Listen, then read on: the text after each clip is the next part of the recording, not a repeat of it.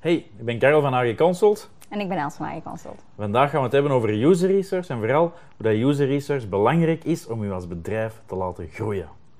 Nu, voor ons super logisch, want we zitten in de business van user research. Uh, klantgericht zijn, dat kan niet zonder aan gebruikersonderzoek te doen. Absoluut. In klantgerichtheid zit het woordje klant, dus het is maar logisch dat je ook met je klanten gaat babbelen als je klantvriendelijk wil zijn. Maar ik vrees dat veel bedrijven dat niet doen of dat ze het op een foute manier doen. Want af en toe gebeurt er zoiets wat onderzoeken. Er is eens gebeurd door Bains, waaruit dat blijkt van alle ondervraagde bedrijven dat 80% van die bedrijven zegt van ja, ik ben klantgericht. En als dan de klanten van die bedrijven gaan vragen, zegt maar 8% van die klanten ja, dat bedrijf is klantgericht. Dus we zitten daarmee een groot gat, omdat ze het niet doen of misschien omdat ze het slecht doen.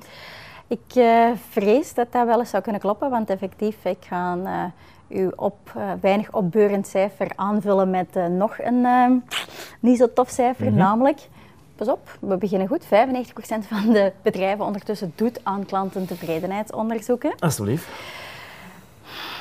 Maar, maar een derde van die bedrijven doet ook echt iets met die resultaten. En maar 20% ervan vertelt ook aan hun klanten de veranderingen die ze gedaan hebben op basis van hun input. User dus, research als een schaamlapje? Eh, dat klinkt verschrikkelijk slecht, maar uh, ik vrees dat het uh, dat af en toe wel is. Ja. We doen die onderzoeken, we doen er dan wel eigenlijk niks mee, maar bon. Jammer wel, want?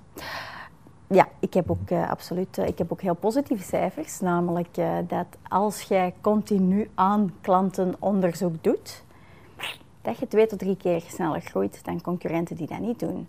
Dat is recent onderzoek van uh, Profitwell. Oké, dat is wel interessant, denk ik. Niet alleen gewoon hier, maar ik denk dat heel veel, of binnen organisaties, dat vaak marketingteams het moeilijk hebben om user research intern te verkopen. Um, ik denk inderdaad zo cijfers en onderzoeken waarin inderdaad blijkt dat je twee tot drie keer sneller groeit als je het op een goede manier doet en er iets mee doet, dat dat wel handig kan zijn om je case intern te verdedigen. Nu, als we het hebben over user research, af en toe focusgroepje doen? ik wist dat dat ging komen. Hè. Uh, ik haat focusgroepen. Uh, focusgroepen hebben niks te maken met, uh, ja, hebben niks te maken met user research, hebben niks te maken met customer research. Focusgroepen zijn een vorm van marktonderzoek. Daar mhm. spreek ik mij verder niet over uit, want dat is niet onze mhm. business. Gebruikersonderzoek gaat er niet om om te vragen aan mensen wat ze willen. Ja? Zo werkt het niet gebruikersonderzoek moeten doen om te weten te komen wat is het probleem van mensen mm en hoe kunnen wij daar zo goed mogelijk op inspelen, hoe kunnen wij een oplossing maken die mensen effectief helpt. Of als je al een product hebt, hun observeren terwijl dat ze het gebruiken of inderdaad kijken van oké, hoe kunnen we dit hier nog, uh, nog beter maken. En hoe doe je dat dan als je geen focusgroep mocht doen? Bijvoorbeeld door gebruikerstesten te doen. Hè. Focusgroepen, daar bevragen mensen in mhm. groepjes gebruikerstesten in persoon één op één onderzoek. Dat is een methode. Andere dingen die je kunt doen zijn bijvoorbeeld interviews. Dat is mhm. iets minder arbeidsintensief. Gewoon mensen opbellen, een aantal vragen stellen. Je klanten opbellen? Absoluut. Niks mis, niks mis met je klanten opbellen. Hè. Eh, ik vind dat heel bizar. Er zijn bedrijven die lijken wel bang te zijn van hun klanten. Terwijl, je moet natuurlijk niet overdrijven. Je moet mensen niet elke mhm. week gaan opbellen of elke maand. Maar af en toe laten weten eigenlijk aan uw klanten van uw mening is belangrijk. Wij vinden het interessant om te horen wat jij vindt van ons product. Zeker in B2B wel gezien dat heel veel bedrijven er schrik van hebben, maar dat klanten dat juist heel tof vinden en zich daardoor gewaardeerd voelen en ook nog wel het gevoel hebben oh, dat mijn leverancier of mijn partner die geeft echt om mij. Dus ja, absoluut. Het is daar al vertrouwensbevorderend eigenlijk ook alweer. Hè? Ja, absoluut. Oké, interviews, usertesten? Enquêtes. Mm. enquêtes zijn eigenlijk de meest laagdrempelige manier om inderdaad aan gebruikersonderzoek te doen. Je kunt het snel doen. Het is, er zijn ontzettend veel tools tegenwoordig, dus het is relatief goedkoop. En ook qua ja, tijd die je erin moet steken, is het gewoon ja, efficiënter. probleem daar, en ik denk, ja, dat hebben we nu al gezegd, focusgroepen, dat is niet goed. Ik heb in mijn leven ook al veel usertesten gezien ik heb ook al veel enquêtes gezien op websites. En als ik die vragen lees, dan denk ik van ja, dat is ook gewoon bullshit. En mhm. het gevaar daarvan is, als je user research doet en je doet dat niet op een goede manier, dan ga je conclusies nemen die gebaseerd zijn op ja, niet iets dat echt is. Absoluut. Ik weet dat dat veel over te vertellen valt. Dan moeten er ooit eens een aflevering over opnemen, welke vragen Mhm. wel en niet stellen. Maar er zijn er zo'n paar basisrichtlijnen. Ja, eigenlijk effectief wat we voor een stuk in het begin al hebben gezegd. Het gaat niet om meningen. Dus mensen om meningen vragen, zoals dingen effectief in een survey. Wat vind je van de zoekfunctie? Sorry, Wat totaal... zou je doen als? Voilà, eh, vragen over inderdaad toekomstig Mhm. gedrag. Totaal onbetrouwbare antwoorden. Hè, De beste indicator van toekomstig gedrag is trouwens huidig gedrag. Mhm. Dus observeer inderdaad wat mensen doen. Het gaat om inzichten verzamelen, niet achter meningen vragen. Oké. Interessant. Dank u.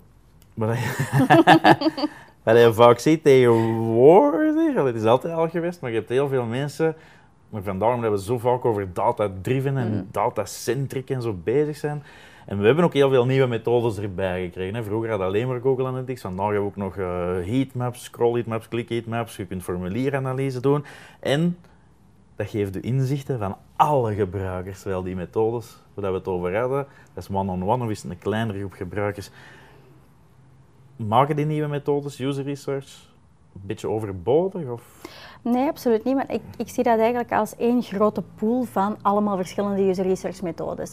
En die dingen die je daarop noemt, van eh logfile-analyse, hè, Google Analytics Mhm. of eh, formulieranalyse, super interessant en effectief. Heel goed om te achterhalen, wat zijn de problemen op een website? Waar zitten die problemen precies? En voor hoeveel mensen is dat een probleem? Mhm. Bijvoorbeeld als je in Google Analytics kunt je Ja. perfect zien in welke stap van de funnel verliezen we mensen, hoeveel procent is dat? Wat Google Analytics u niet kan vertellen, is waarom dat dit gebeurt. Ja. En dat is effectief het verschil tussen dat meer kwantitatief gericht onderzoek. Wat is het probleem? Voor hoeveel mensen is het een probleem? En kwalitatief onderzoek, waarom is iets een Mhm. probleem? Kwalitatief onderzoek gaan we effectief polsen naar ja, de beweegredenen van mensen. Wat drijft die mensen eigenlijk? Om iets te doen, maar ook waarom dat ze bepaalde dingen niet doen, bijvoorbeeld. Absoluut. Dieper Ehm, graven. Yep, ehm, bijvoorbeeld eh, dat wat we nu net zeiden van die, eh, van die funnel. In de bestelflow, een survey, op het moment dat mensen inderdaad verlaten om te vragen van wat houdt u tegen om inderdaad uw aankoop nu te voltooien, dan post dat naar mensen hun emoties, naar mensen hun motivatie. Heel belangrijk, Mhm. maar ook daar weer. Mhm. Wat we merken, Te, dat te, ook- te, te, te fluffy? dat emotie? sommige mensen dat nogal fluffy stuff vinden, Mhm. emoties. Hè? Ze- Vooral het, gewoon het woord en zo. Ja, maar emoties. En bedrijfsleiders leren dat niet, Mhm. marketingmensen leren dat ook niet helemaal. Vooral weer dat data-driven. En ze zeggen van, ja, maar emoties, dat is goed, dat is belangrijk. Maar daar gaan we nu toch niet de grote beslissingen over nemen die ons bedrijf in een bepaalde richting moeten sturen. Daarvoor willen we wel data. Mhm. Kunnen we dat verbinden met elkaar, emoties en data? Absoluut, want die informatie die je gehaald uit dat kwalitatief onderzoek, dat is ook data. Mhm. Dat is een ander soort data, dat is, komt iets minder vlotjes in een Excel gerold, maar dat is absoluut data. Ja. En dat is data, dat zijn inzichten die u empathie geven voor uw bezoeker. En die empathie is niet fluffy, die empathie is business. Hebben we daar voorbeelden van over hoe dat empathie een rol kan spelen en dingen beter kan maken? Massa's voorbeelden. Ehm, misschien een voorbeeldje wat dat heel duidelijk maakt eh, dat empathie en cijfers helemaal Mhm. niet eh, contradictorisch moeten zijn. zijn gebruikerstesten die we recent hebben gedaan voor een eh, financiële app. Hè? Toch redelijk cijfermatig gegeven, denk je dan, of redelijk data. En wat zagen we daar? In een bepaalde stap hadden mensen ja, geen vertrouwen in het feit of die een app wel veilig ging omgaan met hun gegevens. Mhm. Dus zij wilden niet verder gaan. Dat is een gevoel wat die mensen hebben. Maar dat is wel een gevoel waar dat jij als bedrijf begrip voor moet hebben, Ja. waar jij empathie voor moet hebben. Want als jij hun dat veiligheidsgevoel niet geeft, als jij dat probleem van die bezoeker niet oplost, ja, dan gaat het niks worden met je app. Goed nieuws, we hebben effectief in verschillende rondes Mhm. gebruikerstesten dat kunnen oplossen en ook de oplossingen testen. Waardoor, ja, het is nu een van de meest gebruikte apps, heeft ook een fantastische Ja. score in de App Score. Ja. Dus ja, kijk. Dat is inderdaad één soort van empathie. Hè? De Mhm. mensen zelf die met die website omgaan en, en dingen voelen. Hetgeen dat we ook vaak zien, is... Ik vind dat zelf wel raar, want ik ben nogal een cijfermatige mens, maar ik, vind dat wel belangrijk. Maar dat we vaak zien, als we zo met cijfers uit een Google Analytics of Heatmaps of formulieranalyse komen, en je zegt 56% van de mensen doet dat wel en zoveel doet dat niet, dat heel veel mensen dat precies toch kunnen negeren, cijfers en feiten. En een van de redenen waarom dat ik usertesten nog altijd zo briljant vind al die jaren, is ook de overtuigingskracht dat heeft door het empathisch gegeven dat je ziet wat echte mensen van vlees en bloed doen. En hier is een anoniem cijfer, hier is een anonieme gebruiker of duizenden anonieme gebruikers, maar dat je een echte mens, een klant soms, ziet sukkelen.